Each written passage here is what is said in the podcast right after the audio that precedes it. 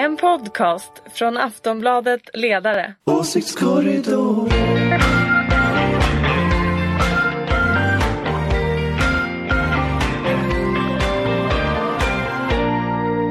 Välkommen till Åsiktskorridoren, Aftonbladet ledarsidas podd som kommer varje fredag.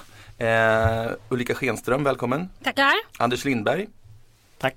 välkommen du också. Daniel Svedin. Hej. Jag heter Fredrik Virtanen. Eh, Anders och Daniel är socialdemokratiska personer. Ulrika Schenström är en moderat person. Jajamän. Jag är i det här sammanhanget neutral. Jajamän. Eller på Schenströms sida. Ja, kan man- äntligen. Vi brukar alltid inleda med att prata om Lars Adaktusson men nu är lite grann ämnet Lars Adaktusson alldeles strax. Vi ska snacka om KDs riksting men först när vi bandar det här är det alldeles nytt att Svetlana Aleksevich eh, får Nobelpriset i litteratur. Frågor på det? Eh, Gammal göteborgare. Eh, är det sant? Ja, hon har faktiskt bott i Göteborg. Nej, vad stort. Ja, jag läste henne i Göteborgs-Posten när jag bodde i Göteborg och pluggade där. Tyckte att hon var bra. Så vi, vi exilgöteborgare här gläds. Var hon krönikör eller? vadå? Ja, precis på kultursidan där och skrev eh, lite om Lukasjenko, och Putin och Ryssland och Östeuropa. Sånt som hon skrivit böcker om- av också. Precis. Nej, men hon var ju verksam i Göteborg och skrev ju från Göteborg. Som jag uppfattade Ah. på kulturredaktionen där. Sen flyttade hon vidare när hon fick något nytt eh, exilboende. För det är ju exilförfattarsystemet som hon var Och det här kanske när vi bandar det här nu så kanske det här är, det här är ju nytt för mig men imorgon kanske alla kommer att tröska Göteborgsvinkeln på henne. Det är mycket Ja, möjligt. visst. Men vi var först. Ja, ni var först. Vi var först. Kanske Göteborgs-Posten var före. Ska du läsa? Absolut. Jag har faktiskt till och med läst vad man skulle kunna läsa. Det verkar spännande. Jag Mm. tror att hon är Hon har väl gjort rätt många sådana här dokumentärböcker. Liksom, Ja. och min, och Exakt. ögonblicksbilder och så vidare. Ska, vår, Vi- Vittneslitteratur är det väldigt mycket. va? ska Anders Lindberg läsa? Han gillar böcker. Ja, nej men alltså jag, det, jag tycker, jag, alltså hon är ju, hon är ju det, det jag vet, det handlar ju mera om liksom Vitryssland egentligen och liksom den här politiska situationen som, som ju är, det är ju Europas sista riktiga diktatur om man säger så. Eh, och, och det gör ju också att det blir ju väldigt spännande nu hur det här tas emot i, i andra länder. Och det, det är också så att Ryssland håller ju allt mera på att utvecklas i vitrysk riktning. Och det innebär ju att det här blir ju, det blir ju också ett, ett inlägg i en debatt om demokrati och diktatur och, och liksom Europas framtid som är ju intressant här. Jag vet, men okej då, vi skulle egentligen gå vidare. Men gillar ni när litteraturpriserna är politiserade som det här man nu kan tolka det att det är? All kultur är politisk. Mm. Men ska, Jag tror men ska, faktiskt att- akademin ta ställning? Jag tror faktiskt inte att den är politiserad på det sättet eh, man, men, men däremot får ju de här priserna alltid politiska konsekvenser. Och det tror jag i en allt mer polariserad värld där konflikterna är internationella eh, och att liksom, det- finns ändå någon form av internationell diskussion där alla människor pratar om, om kultur och sånt. Då blir det här mer politiskt och det kommer nog Det är nog liksom nödvändigt eh, tror jag. Ja och sen är hon ju väldigt aktuell. Alltså det hon tar upp är ju extremt aktuellt här och nu. Och det är, det är någonting annat än att ta aktivt tycker jag ändå eh, ställning för eller mot någonting annat. Japp. Okej. Kristdemokraterna samlas ju i helgen för riksting eh, i Västerås tror jag. Eh, man ska anta principprogram och motioner och stadgar. Och, men den stora diskussionen hittills, eller inför, har ju varit eh, decemberöverenskommelsen. Eh, många vill bryta det, bland annat ungdomsförbundet, även Lars Adaktusson. Eh, som vi brukar tala om här. Kan vi bara först eh, berätta vad decemberöverenskommelsen innebär? Ulrika? Ja, det finns väl ganska många som skulle kunna ha lite olika eh, diskussioner om detta. Jag vet att Finn Bengtsson i Moderaterna har en eh, syn på det hela. Men det är ju att vi håller borta Sverigedemokraterna som vi ju så ofta har diskuterat i den här podden eh, faktiskt. Eh, och det är väl vi ganska överens om här inne att det är ju ganska bra om vi håller dem borta. Man kan väl säga att från början så var ju grunden till, till decemberöverenskommelsen det är ju Fredrik Reinfeldts väldigt tydliga uttalande att största block ska få regera eh, oavsett så att säga vilket block som blir störst. Därför att på det sättet så, så håller man Sverigedemokraterna utanför allt inflytande. Och cementera blockpolitiken. Och cementera blockpolitiken, vilket ju för Reinfeldt var oerhört viktigt, eh, båda de här delarna. Och sen så efter valet så mm, föll ju eh, Stefan Löfvens budget och man skapade den här, den här konstruktionen för att rädda budgeten. Så decemberöverenskommelsen har två delar. Det ena är att man släpper fram det största blocket till regeringsmakten och det andra är att man inte fäller budgeten Eh, i, eh, i riksdagen. I övrigt så är ju oppositionen eh, samma vanliga opposition som den alltid är. Mm. Men det här anses ju då av vissa som bland annat odemokratiskt och handlingsförlamande och så vidare. Va? Och vad händer då om KD bestämmer sig för att hoppa av? Alltså grejen är den att Ja, det- i, i, formellt så händer ju ingenting men, men däremot så har ju Jan Björklund gått ut och sagt att då blir det nyval. Och det där är, det där är, är lite farligt Men det att där säga gör sånt. han nog därför att han försöker hota lite grann de delegater på Kristdemokraternas riksting som tänker rösta eh, för då den linjen som vill att man ska hoppa av det. Det skulle jag sa, tro. sa, det, tror jag, det tror jag du är helt rätt i. Samtidigt är det faktiskt svårt att stoppa in den där tandkrämen i tuben därför att, därför att och det är lite som den första politiker som säger misstroendeförklaring om någon. Förr eller senare får man äta upp det där liksom eh, därför att man hotar med så att säga, konstitutionella instrument. Så att, ja, I och med att Jan Björklund har liksom släppt ut den där anden ur flaskan så Eh, så, så betyder ju det att det kommer att finnas ett tryck ifall Kristdemokraterna nu går på den linjen att, att liksom misstroendeförklara ministrar, att liksom göra saker som, som kan fälla regeringen. Jag, jag kommer säkert ha fel men jag tror ändå att eh, det kommer att bli ett, eh, oavsett om vi lägger nu det här med extraval lite framför oss och inte diskuterar bara det, så tror jag det kommer att bli rätt mycket kaos i debatten ifall det är så att man röstar emot, eh, att man, eller att man röstar för att man går ur eh, decemberöverenskommelsen. Jag tror ändå att Skyttedal, jag tycker att hon verkar ha alldeles för mycket råg i ryggen och eh, lyssnar man runt lite grann eh, sådär så tycker jag att det ändå låter som det är ganska många som tänker rösta eh, för att eh, liksom, eh, gå ur decemberöverenskommelsen. Jag har räknat idag att det är eh, 94 ombud av 274 som kommer att rösta emot och jag tror många av Skånedistrikten är tydligen delade ifall man läser runt Men nu har du räknat distrikt. Ja, Så, jo, och- nej, men jag läser som- hur det- många av de distrikten, för de gick precis ut Örebro och Blekinge och sa att de Mm. tänkte rösta emot. Och det, det, det är ganska många och jag menar i den bästa av världar och, och det vi antagligen, det som antagligen kommer hända är att det inte kommer hända någonting. Är ändå att det kommer att bli ett litet hallabaloo om det här. Och ska jag villigt erkänna att blir det så att det blir lite kaosartat och stor debatt om detta och det är det som blir fokus så kommer det ju spilla över på Moderaternas Mm. partistämma som är nästa vecka. Men det är så svårt att begripa också tycker jag vad, vad man tänker sig ska hända med tanke på att nu lägger ju allianspartierna varsina budgetar. Eh, alltså, så att decemberöverenskommelsen är ju egentligen överspelad som rent, vad ska man säga, konstitutionellt instrument för hur man ska rösta i budgetomröstningar. Sen finns det ju en massa andra problem som kommer dyka upp i hur man ska förhålla sig till Sverigedemokraterna. Eh, ska man eh, ha blocköverskridande samarbeten? Det, det verkar ju vara konflikten mycket i eh, Kristdemokraterna. Jag hörde en diskussion på radio här i veckan. Där liksom de som tycker att vi ska hålla överenskommelsen. Ska vi då eh, eh, lämna en konstruktion som ger oss väldigt mycket inflytande. För att ingen kommer ju vilja prata med Kristdemokraterna om man bryter upp Nej, blockpolitik. men sen är det ju också ett problem i opinionen. Det finns ju många mätningar som visar att många borgerliga väljare tycker att det här är liksom dåligt och så vidare. Alltså det finns ju en press på de här fyra partierna eh, från opinionen i alla fall och, och, och eh, medlemmar och väljare som tycker att det här är dåligt. Eh, om det nu är en, någon slags depression över att man inte sitter i regeringsställning eller en depression över att ens egen budget inte kommer att gälla efter nyår. Det vet inte jag. Men jag bara tänker liksom börjar den här diskussionen gå så att det är så pass många som går emot och det är många som säger det så kommer det spilla över på väldigt många andra som också kommer våga börja vara emot. Det är ju rätt intressant att det inte finns den typen av kritik eller diskussion på samma offentliga sätt i Centerpartiet och Folkpartiet utan att det är just eh, de borgerliga ytterkantspartierna som gör allt att tjäna på att man behåller eh, blockpolitiken som är mest missnöjda med att man har en form som säger att som liksom har fått Stefan Löfven att säga ja det finns ett borgerligt block som jag aldrig kan förhandla med. Eftersom jag inte, eller jag behöver inte förhandla med dem, jag behöver inte prata med dem. Hela hans politiska projekt var just det att sträcka ut en hand och, och samarbeta med dem.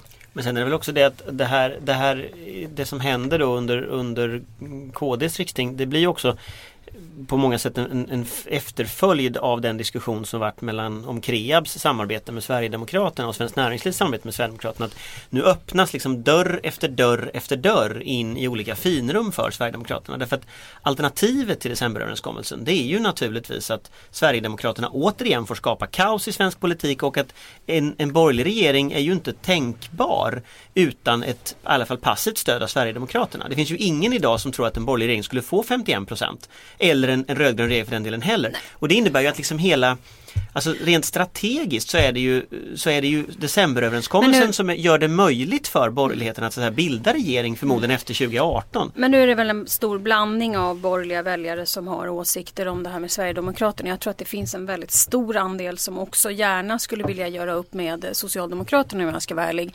Eh, Men nu går ju inte det att göra med tanke på att Miljöpartiet sitter i regeringen och att man har ett kollektivt ansvar och så vidare. Det är svårt att göra upp med bara sossarna.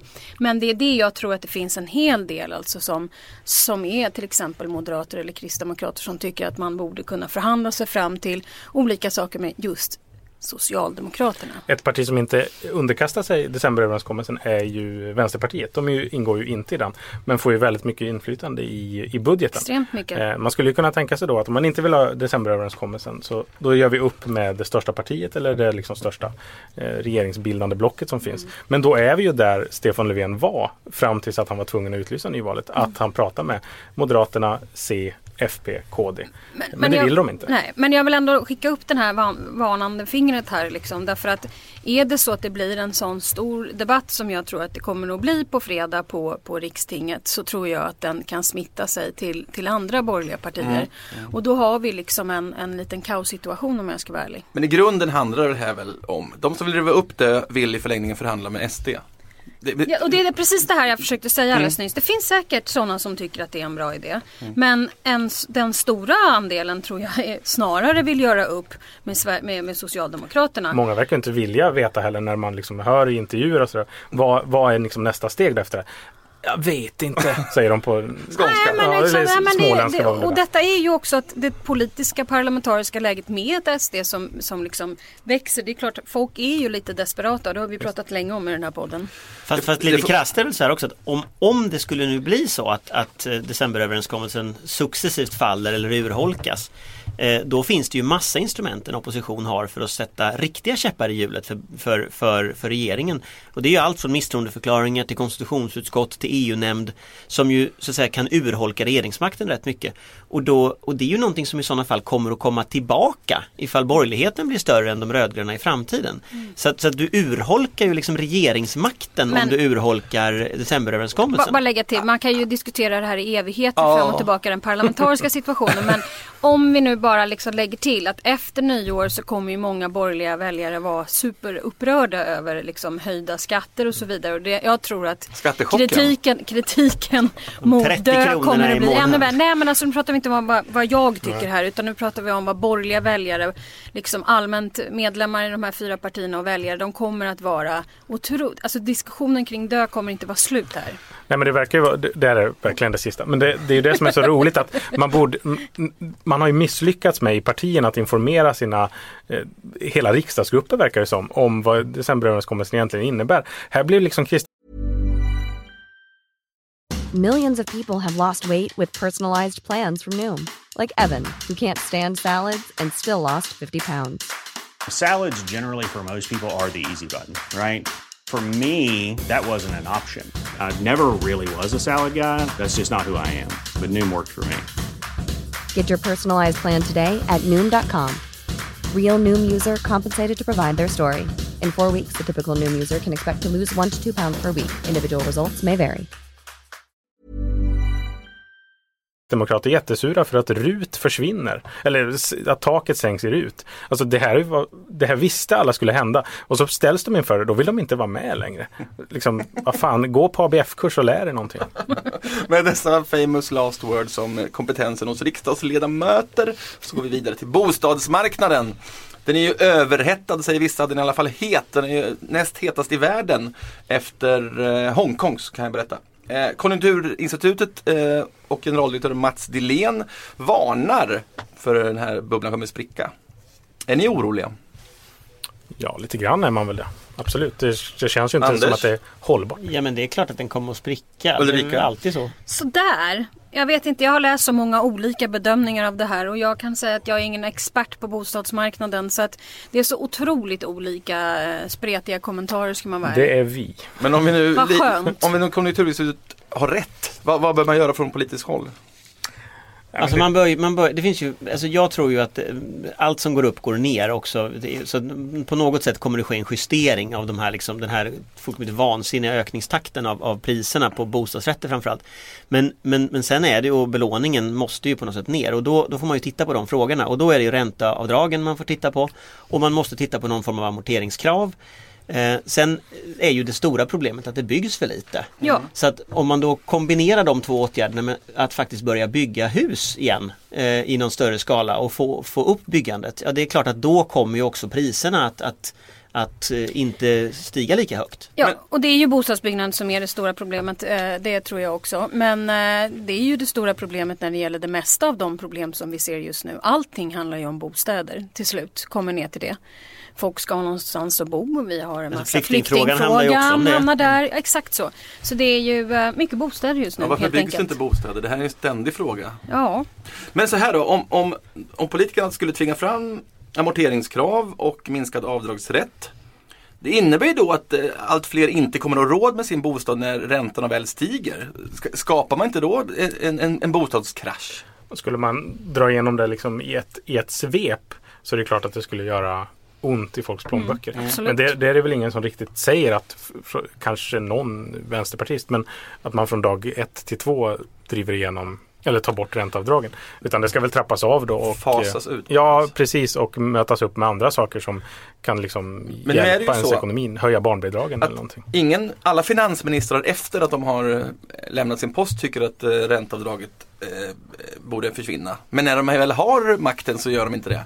Varför då? Därför att de vill ha kvar makten. Mm. Eh, det är är väl det. ganska uppenbart. Alltså, alltså, väljarna Smigel. tycker inte om, alltså väljarna gillar sina, sina ränteavdrag och det innebär naturligtvis att, att det är ett jätteproblem att ta bort det. Sen är det nog så att ska man ta bort det så är det nu när räntorna, räntorna är låga. För annars så kommer man, om räntorna är höga då kommer ju det bli en, då kommer ju effekten att bli att folk får gå från hus och hem och det, det, det gör ju att ska man ta bort det så är det nu som gäller och s- vid någon och vi vet så ju att politiken kommer ju inte göra saker som gör att folk får gå från hus och hem. Det vet vi ju. Det Nej, inte i någon bli- större utsträckning. Nej. Då, så att, så Det brukar liksom, vara en jättedålig valvinnare faktiskt. Väldigt dåligt tror jag. Men ränteavdragen infördes också i en tid då, då liksom bostadsmarknaden såg ut på lite annat sätt. Reavinstskatten såg annorlunda ut. Det fanns en fastighetsskatt. Eh, så att det är ju ett annat läge. Liksom, bostäder är ju nästan inte beskattade alls idag. Eller de är ju inte beskattade alls idag. Utan man får stora subventioner för att man äger.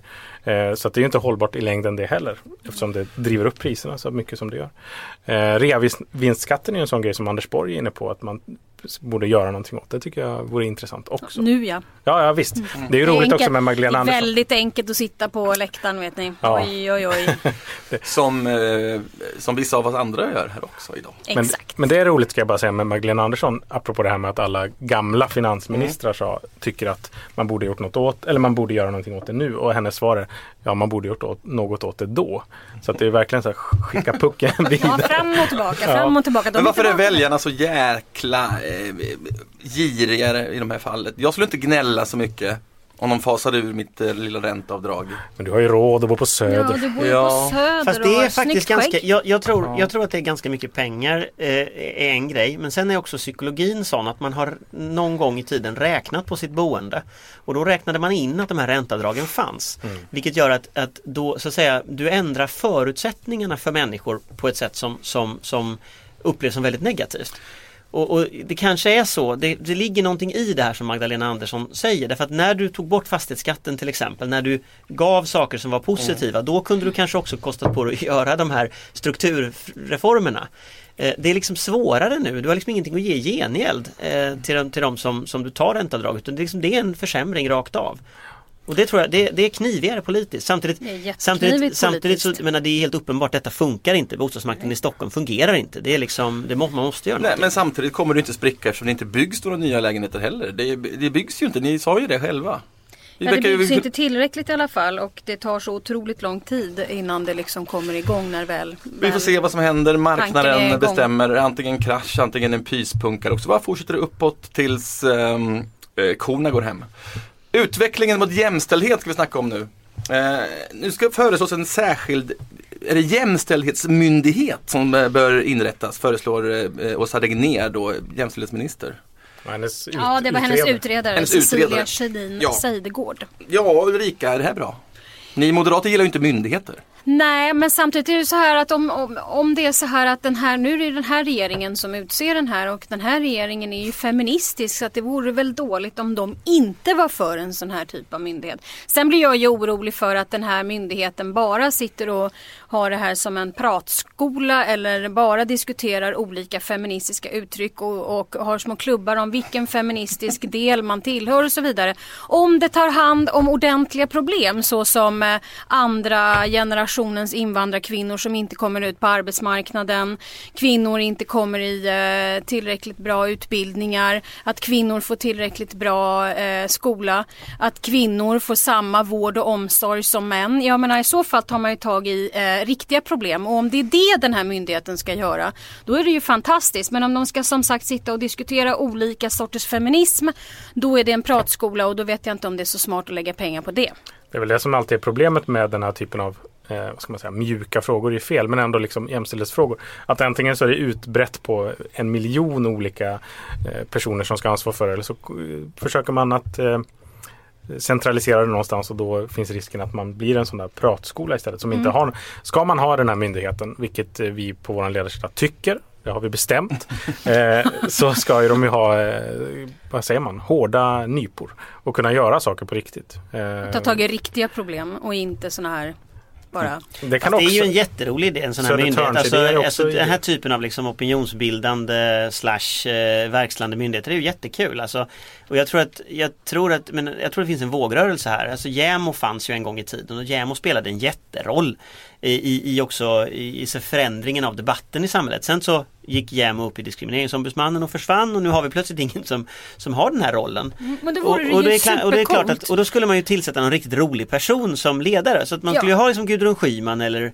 Margareta Winberg eller någon sån här lite, så det rockar lite. Och som dessutom sätter blåslampa på departement som inte Mm. gör så att kvinnor kommer ut i arbete. Nej, och som gör, skrämmer bara politiker. skrämmer arbetsmarknadsdepartementet och finansens budgetavdelning och säger Hörru ni, ni får inte ut de här kvinnorna i arbete. Gör något! Bättre reformer, kom igen! Då, då är jag för. Och sen finns det några uppenbara saker. Om vi tar det här med våld mot kvinnor som ju, som ju om man tittar på statistiken verkar öka eller om man tittar på lönerna som fortfarande är extremt ojämställda eller man kan titta på, på, på eh, samhällslivet i övrigt med föräldraförsäkring och sånt där som fortfarande är lite ojämställt.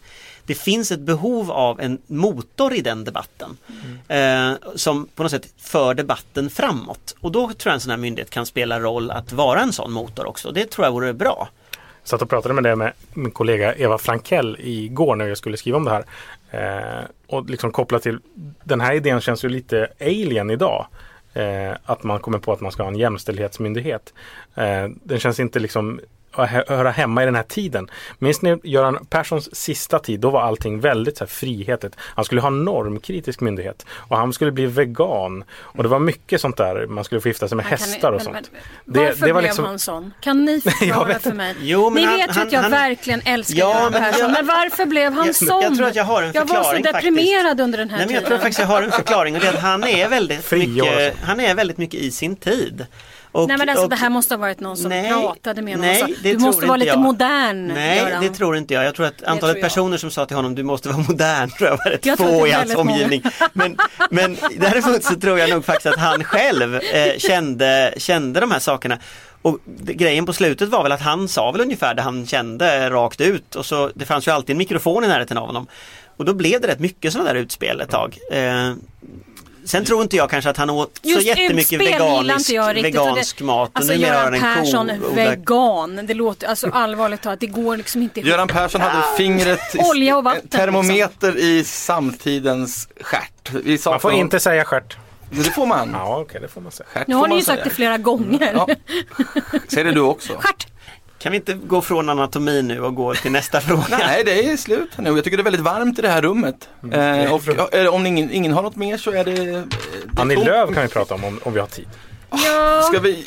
Ja, hon är ju mest, okej vi kör det eh, lite snabbt. Hon har ju störst, högst förtroende av alla part- partiledare. Eh, fast hon har ett mycket marginellt stort parti. Vad, vad är det som har hänt där?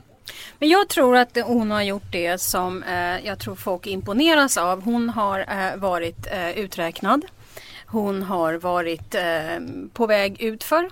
Och sen tog hon sig upp för och tog sig själv ett självförtroende och är sig själv numera och inte som hon var i början som ni säkert minns när vi eh, alla eh, nästan skrattade eh, åt henne. Och numera så står hon där, även om vi inte alltid håller med vad hon säger och så vidare, så säger hon det så att vi faktiskt tror att hon tror på det.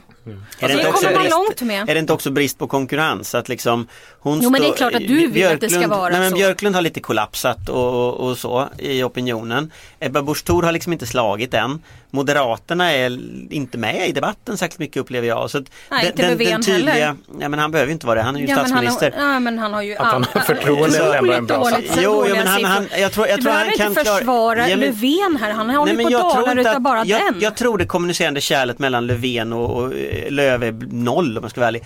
Däremot det kommunicerande kärlen mellan Moderaterna och Löv är, är ganska stort och jag tror att om Kinberg Batra börjar slå igenom mer i debatten då kommer också Lövs siffror att gå ner.